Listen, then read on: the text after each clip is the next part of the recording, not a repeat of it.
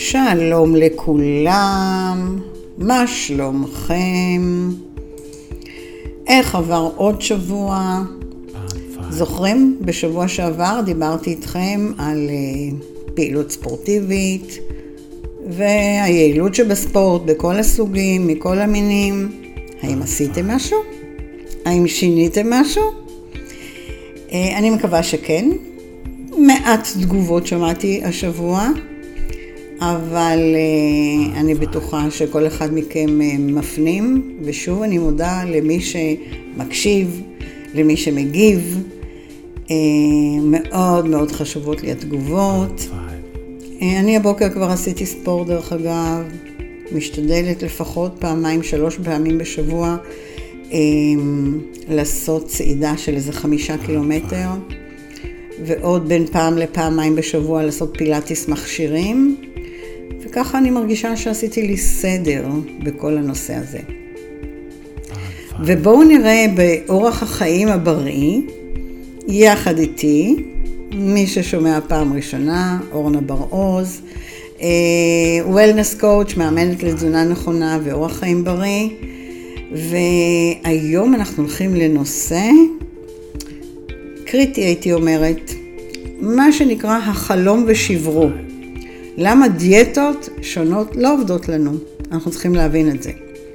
אז בואו נתמקד בנושא של החלומות שלנו ומה קורה איתם. בואו נתחיל.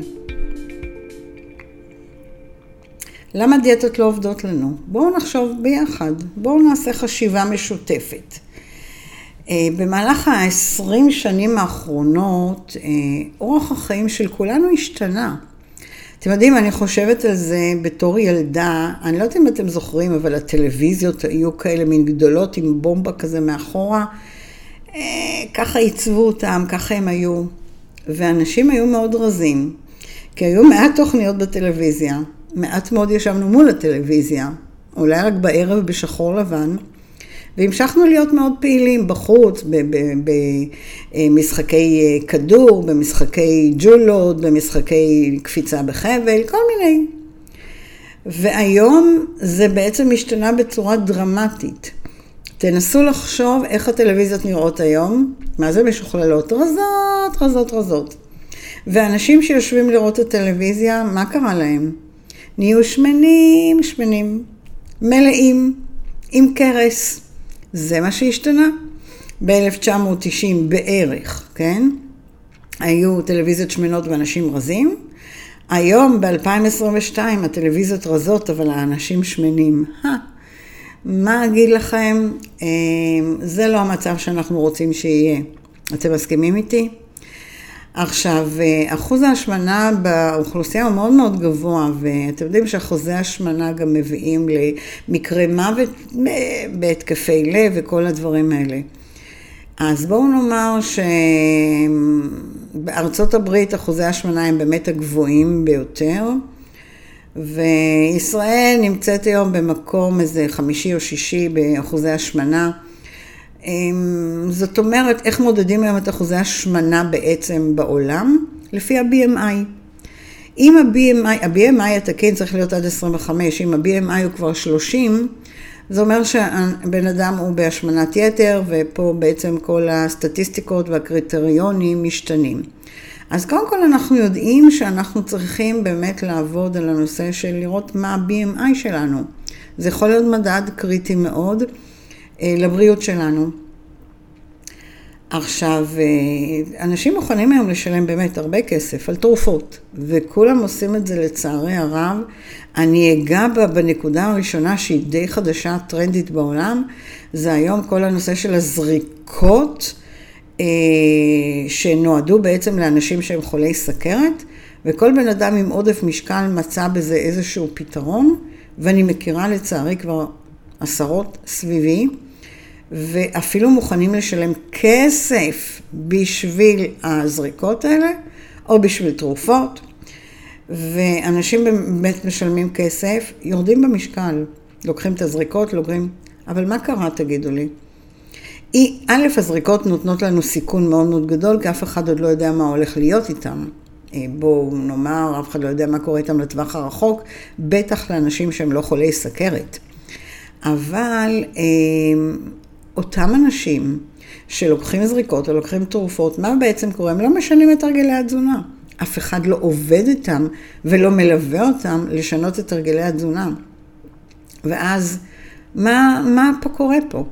הבעיה היא לא כל כך להוריד את המשקל, אלא בעצם להישאר רזה לאורך כל הדרך, או להישאר בלי עודף משקל לאורך כל הדרך. ואם לא תשנה את ההרגלים, אז באמת חבל על הזמן.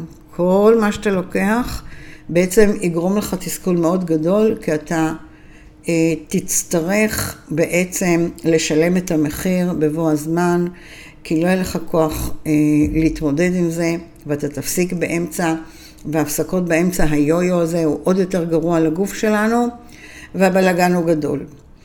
אז אה, זהו. עכשיו בואו נחשוב בעצם מה קורה לגוף עם עודף משקל. גוף עם עודף משקל בעצם הוא גוף שהוא לא מאוזן, נכון? מה זה אומר גוף לא מאוזן? שיש לו איזה שהם עודפים בגוף. העודפים יכולים להיות מהשומן, מהסוכר, ממלחים, אה, מהורמונים למיניהם שנמצאים במי שאוכל עדיין אה, בשרים, רעלים שיכולים לבוא מכל מיני דברים מתועשים, מתרופות. אה, עודף של פחמימות, ואגב, יש אנשים שגם שותים הרבה אלכוהול, וגם זה בעצם משאיר את אותותם מבחינת הסוכר ו- וכל הדברים האחרים. אז בעצם יש לנו עודפים, ואם אנחנו לא נדע להתחיל להקטין את כמויות העודפים האלה, אנחנו לא נצליח אף פעם להביא את הגוף לאיזון. עכשיו, בזמן שהגוף לא מאוזן ויש לו עודפים, מהצד השני יש לו חוסרים. תחשבו, יש חוסרים של הוויטמינים, של מינרלים, של חלבונים. רוב האנשים לא, יודע, לא יודעים כמה חלבון להכניס לגוף שלהם. זה דבר שאני עובדת איתו חזק, חזק, חזק עם הלקוחות שלי. אה, כל מיני צמחים ועשבים שאנחנו צריכים להכניס לגוף שלנו, יש חוסרים, בתאית, אוקיי? ובמים. אנשים לא יודעים איך לשתות את המים. אחד הדברים זה שאני בעצם נותנת לאנשים גם פתרונות איך לעזור להם לשתות מים. אני לא מכירה הרבה אנשים שאוהבים לשתות מים, מים נקיים, אוקיי? אז פה בהחלט אנחנו צריכים לעשות איזושהי עבודה, ואם אנחנו לא עושים עבודה, הדברים לא קורים. עכשיו, כדי להוריד בעודפים, יש דיאטות שבעצם מתחילות להגביל אותנו. ואם הן מגבילות אותנו, יכול להיות שבעצם אולי הן מגדילות לנו את החוסרים שלנו, ובסופו של דבר הן מגדילות לנו גם את החוסר איזון שלנו. חשבתם על זה פעם? סתם, בואו ניקח לדוגמה, יש דיאטת כרוב, שרצה המון שנים. אנשים אוכלים כרוב, מבושל, כרוב מעודה, מרק כרוב, כרוב וכרוב וכרוב. יורדים במשקל, וואו, איזה הוקוס פוקוס. מה קורה? בכרוב הנחמד והמסכן הזה, אין את כל הוויטמינים והמינרלים ומה שהגוף אמור לקבל. זאת אומרת שאם אתה אוכל במהלך היום כל הזמן כל סוגי הכרוב בכל הדרכים, אתה מחסיר מהגוף שלך הרבה מאוד ויטמינים ודברים אחרים שנמצאים במאכלים אחרים. זאת אומרת, אני ירדתי במשקל, אבל יצרתי חוסר בוויטמינים, חוסר במינרלים, חוסר בחלבונים.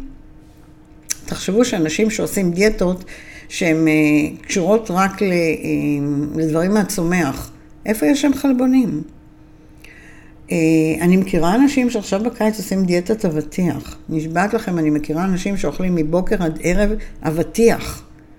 וואו, והם יורדים במשקל. יופי, ומה קורה לגוף שלהם?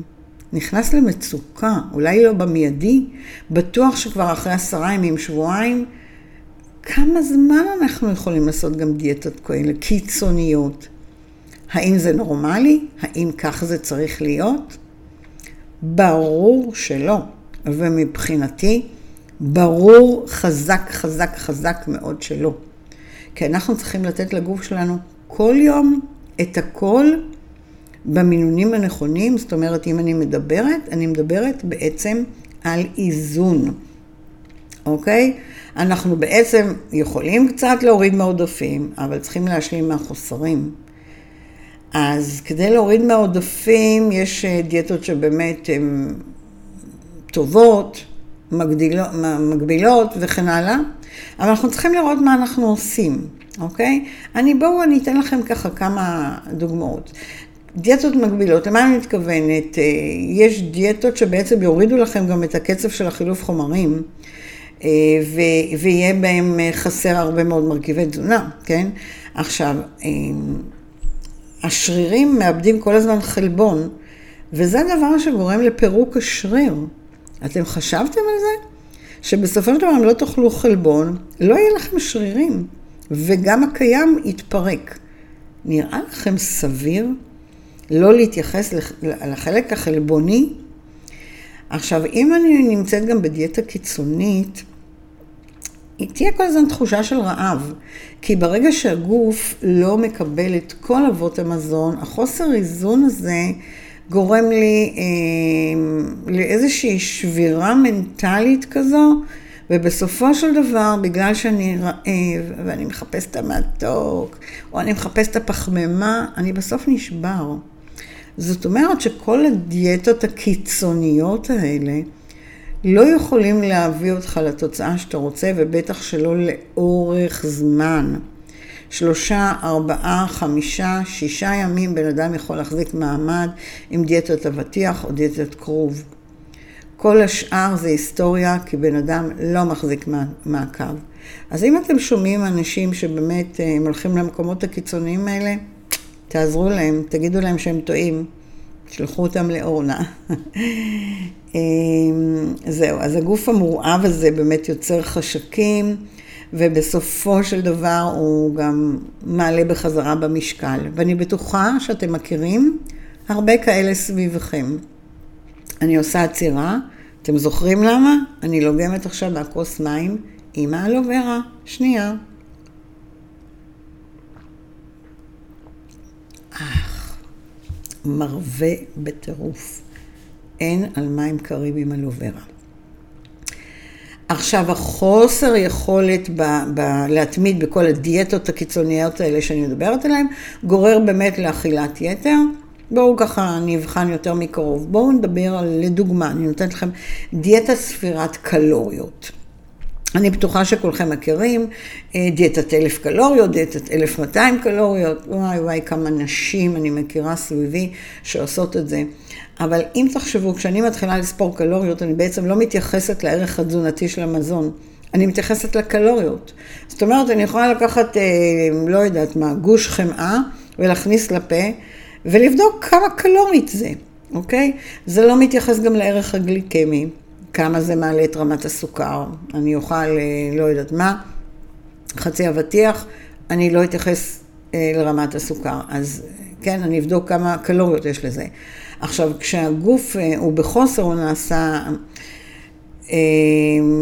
הוא נעשה שלילי, גם בתגובות שלכם, אוקיי? אתם מתחילים להיות יותר רעבים, יותר עצבניים והכל, וזה באמת בניגוד לכל האינסטינקטים הטבעיים. אז ככה שדיאטת ספירת קלוריות, בואו נשים עליה איקס. היא לא נכונה, היא לא מזינה, והיא גם לא, אה, בסופו של דבר, היא מפרקת לנו את השריר, וזה לא מה שאנחנו רוצים. עכשיו, יש הרבה מאוד אנשים שעושים דיאטת ספורט.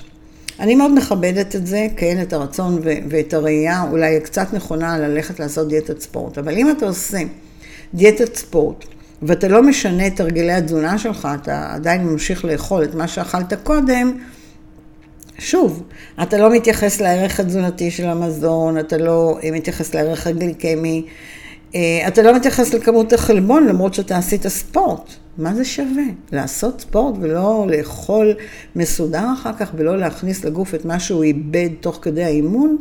מה הטעם לזה? אז שוב, התוצאה תהיה לפרק את השריר. אנחנו גם נהיה רעבים, כי אנחנו נאכל את כל המקרר בצורה לא מאוזנת.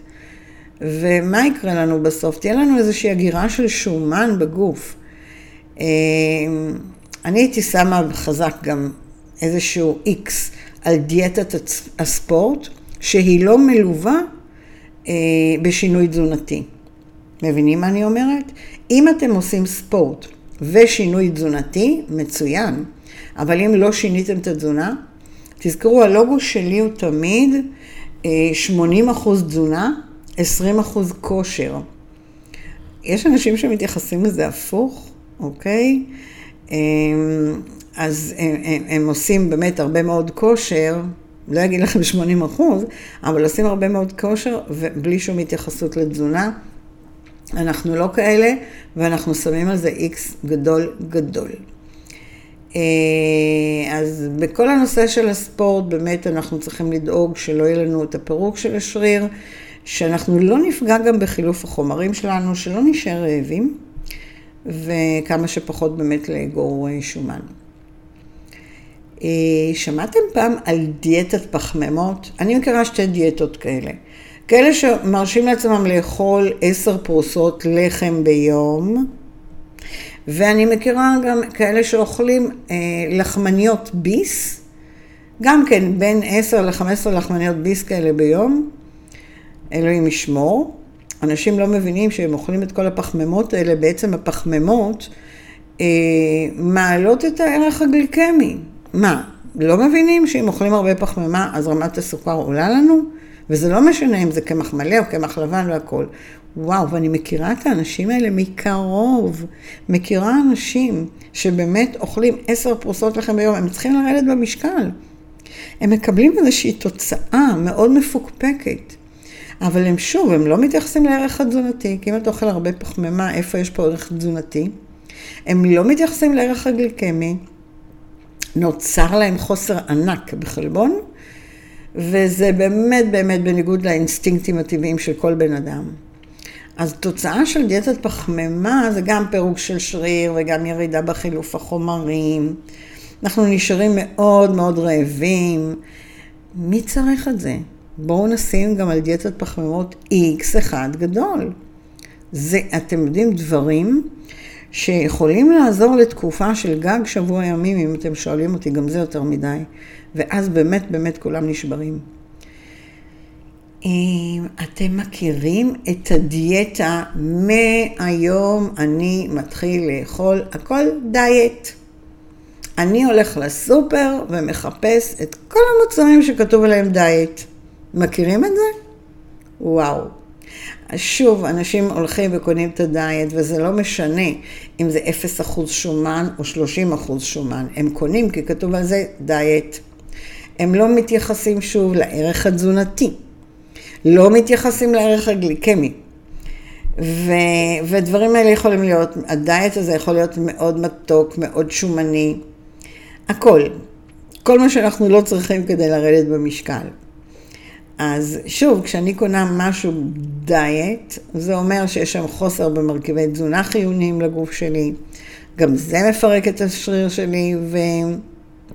עוזר לי לצבור איזה שהם חוסרים. זה בדיוק המקום שאנחנו לא רוצים להיות בו. ואז מה קורה? נשברים, נשברים פסיכולוגית כעבור תקופה, ולרוב התקופה היא קצרה. לכן כל הנושא של דיאט, בואו נשים על זה גם כן איקס אחד גדול, כי אנחנו לא הולכים לעשות דיאטת דיאט שתביא אותנו לשבר הפסיכולוגי שאנחנו לא רוצים להיות בו. הלוא אנחנו מחפשים שינוי הרגלי תזונה לכל החיים. זה מה שאנחנו רוצים. אז אה, איך אנחנו בעצם יכולים להימנע מתוצאות של דיאטות לא בריאות? איך אנחנו באמת יכולים אה, לאכול מאוזן כדי לשפר את הבריאות שלנו? ובאמת הדבר הכי חשוב, לשמור על התוצאות לאורך זמן. אני שוב חוזרת לדבר על עצמי, אורנה. אני נכנסתי לכל הנושא של התזונה כבר לפני 25 שנה, לתזונה נכונה. בטבעי שלי הורדתי 12 קילו. 12 קילו, אתם יודעים, יש כאלה שבכלל, אה, לא יודעת, חשבו שהם רואים פה מישהי חדשה, אבל אני הרגשתי כל כך כל כך נפלא, והדבר שקרה לי מאז, אני, הגוף שלי נהיה מוצק, אני הצבתי את הגוף שלי. אני ירדתי במידות, בשלוש מידות בבגדים. אז יש לי פה ושם עליות קטנות ו- ותחושות, ולפעמים זה יורד. הכי גרוע במהלך 25 שנה שאני עליתי אפילו בעוד מספר במכנסיים, אבל איך ראיתי שזה עלה, מיד חזרתי אה, לצורה מהודקת יותר מבחינת התזונה. מה זה אומר? זה אומר שאני שיניתי את ההרגלים ברמה כזו שכבר לא תהיה חזרה לאחור, לא יכולה להיות חזרה לאחור. אתמול נפגשתי עם המשפחה ויצאנו לארוחת ערב אחרי שמונה בערב. דבר שאני מאוד מאוד לא אוהבת לעשות, אבל המשפחה נפגשה במסעדה. כמובן שבחרתי לי ממש לאכול רק את הירקות ואת החלבון, לא נגעתי באף פחמימה שתעלה לי בערב את רמת הסוכר וכזה. לא נגעתי אפילו בקינוחים, הזמנתי לי כוס תה וזהו. היכולת התאפקות היום היא בליגה שונה. הגוף מאוזן, אז אין בעיה, אין התפרצויות של אני חייבת את המתוק, אני חייבת את זה, לא. את, אני גם אכלתי מאוזן במהלך כל היום, אני לא הגעתי רעבה למסעדה. אני הגעתי כבר, הגוף שלי מסודר. אז מה נותר לי? רק ליהנות. להיות בבחירות הנכונות שלי, וזה המקומות שאני מביאה את כל מי שאני מלווה. להיות במקום נינוח עם האוכל, לא להיות בסטרס, לא להיות בלחץ. אז אם אני אדבר על אה, הדרך שבה אני עובדת עם התוכנית, אה, שזה תוכנית אתגר, תוכנית אתגר 90 ימים, אז קודם כל יש לכם אה, מאמן קבוע, שבעצם מוביל אתכם לפחות לשלושה חודשים. עכשיו, תבינו מה קורה אחרי שלושה חודשים. אם בשלושה חודשים אתם הצלחתם לשנות את הרגלי התזונה שלכם, אני מבטיחה לכם, אני חותמת לכם, שזה כבר באמת יהיה לכל החיים. כי הליווי והתובנות והשינוי האמיתי במשך שלושה חודשים כבר עושה גם את השינוי במוח. ואז אתם לא מבינים, הפלא ופלא, אין יותר רעב. פשוט אנחנו לא רעבים. כי אנחנו אוכלים כל שלוש שעות ואוכלים נכון וארוחות קטנות. האנרגיות שלנו הרבה יותר גבוהות. קצב החילוף חומרים מדהים. ואז אנחנו באמת מחזקים ובונים את השרירים באמצעות כמות נכונה של אכילת חלבונים. שזה עוזר לנו לשרוף באמת את השומן. יש ירידה מדהימה בדרישה לפחמימות הפשוטות. העיניים שלי כבר לא יכולות לראות בכלל קמח לבן, ואני לא מבינה בשביל מה אנשים קונים לחם לבן ו- ו- אה, ולחמניה לבנה ו- וכן הלאה והלאה. בשביל מה? שזה מיד מיד בעצם אוכלים פרוסה כזו, ואחרי אה, רבע שעה עשרה דקות אנחנו רעבים. אז זה בכלל יצא לי מהעיניים. ובעצם אנחנו יוצרים איזה שהם הרגלים, הרגלי תזונה שהם חדשים, אבל שהם הולכים להיות לכל החיים. ובאמת אכן יש לי לקוחות שהם כבר איתי בליווי כזה או אחר, או סתם איתי בקבוצות, אבל הם איתי כבר גם מעל 20 שנה, באווירה הזו של לדעת לשמור ולחיות טוב. וזה שומר על התוצאות באמת לטווח הרחוק, אבל הכי חשוב, זה נותן איכות חיים, בריאות טובה, בכל גיל, בכל שעה ובכל מצב. אז מי לא רוצה אורח חיים בריא, אוקיי? ואתם יודעים, כשאתם מתחילים לעשות את השינויים שלכם, כל המשפחה סביבכם. לא אגיד לכם שכל הילדים שלי, חתנים שלי, נכדים שלי, כולם בתוך זה. הם רואים אותנו. פה הם משנים עוד משהו, פה הם משנים עוד משהו. הם, הם מבינים עניין, אבל לכל אחד האסימון נופל ברגע אחר, בשנייה אחרת, וזה בסדר. אז אה, באמת כדי לשמור על איזושהי בקרת משקל ואורח חיים בריא, אנחנו ממליצים גם לאכול בריא, גם לשתות נכון וגם לעשות את הספורט. ובאמת, אה, העקרונות הכי חשובים זה לאכול את ארוחת הבוקר הטובה, שתיתן לנו את כל המרכיבים, אוקיי? ועוזרת לנו לשמור על אה, רמת סוכר נכונה בדם, ולכן אני הלכתי לכיוון של השייק. שייק בריאות, שיש בו גם חלבון, מי מוותר על זה? לא מוותרת על זה. אה, הבוקר שתיתי שוב שייק בטעם קפוצ'ינו, פשוט דלישס. אה, ושוב, לאכול חמש עד שש ארוחות קטנות ביום, שזה עוזר לנו בעצם לשמור על קצב חילוף חומרים כל הזמן, כל הזמן, ואז אין הרגשה של אה, רעב. לאכול חלבון בכמות הנכונה. אה, אני מלמדת כל אחד כמה כמות חלבון הוא צריך לאכול, המינימום זה 1.2 גרם לקילוגרם משקל. לשתות כמות נכונה של מים, מינימום זה שני ליטר, שזה שמונה כוסות. מי עדיין לא שם? זו הבריאות של הגוף שלנו, זו הבריאות להמשך החיים שלנו. וכמובן לדעת להימנע ממוצרים בעלי אה, אינדקס גליקמי גבוה, אה, זאת אומרת לא את הקמח הלבן והסוכר הלבן, וכמו שאני דיברתי איתכם מקודם, הלבנים האלה, הלא שזופים, אז להימנע ממוצרים בעלי אינדקס גליקמי גבוה, ואז ברגע שאנחנו משנים את ההרגלים, אנחנו אוכלים יותר ירקות, יותר פירות, אה, יותר קטניות.